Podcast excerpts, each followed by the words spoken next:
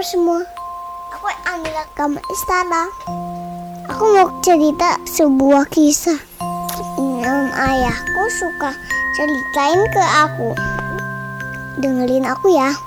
Pada suatu hari di peternakan ada suara berisik yang berasal di dekat kandang ayam. Kenapa tikus dan kelinci sedang berantem? Rebutan sesuatu. Ini rotiku yang pertama ambil, kata tikus.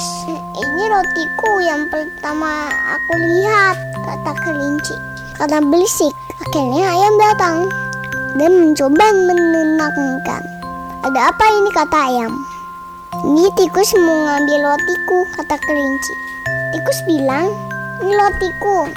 Lalu ayam langsung ambil rotinya dan membelahnya jadi dua. Sudah ini aku bagi jadi dua. Satu untuk tikus dan satu untuk kelinci. Tapi kelinci malah-malah. Hei, kenapa punya aku lebih sedikit? Ayam lalu mengambil roti tikus dan makannya sedikit. Sekarang tikusnya malah punya kelinci sekarang jadi lebih banyak.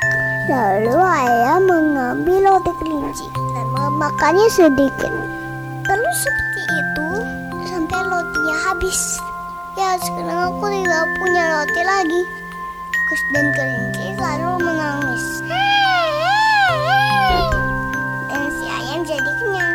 Gimana? Bagus nggak cerita ayah? Kalian ngerti nggak? Anila sih ngerti. Kan Anila pintar.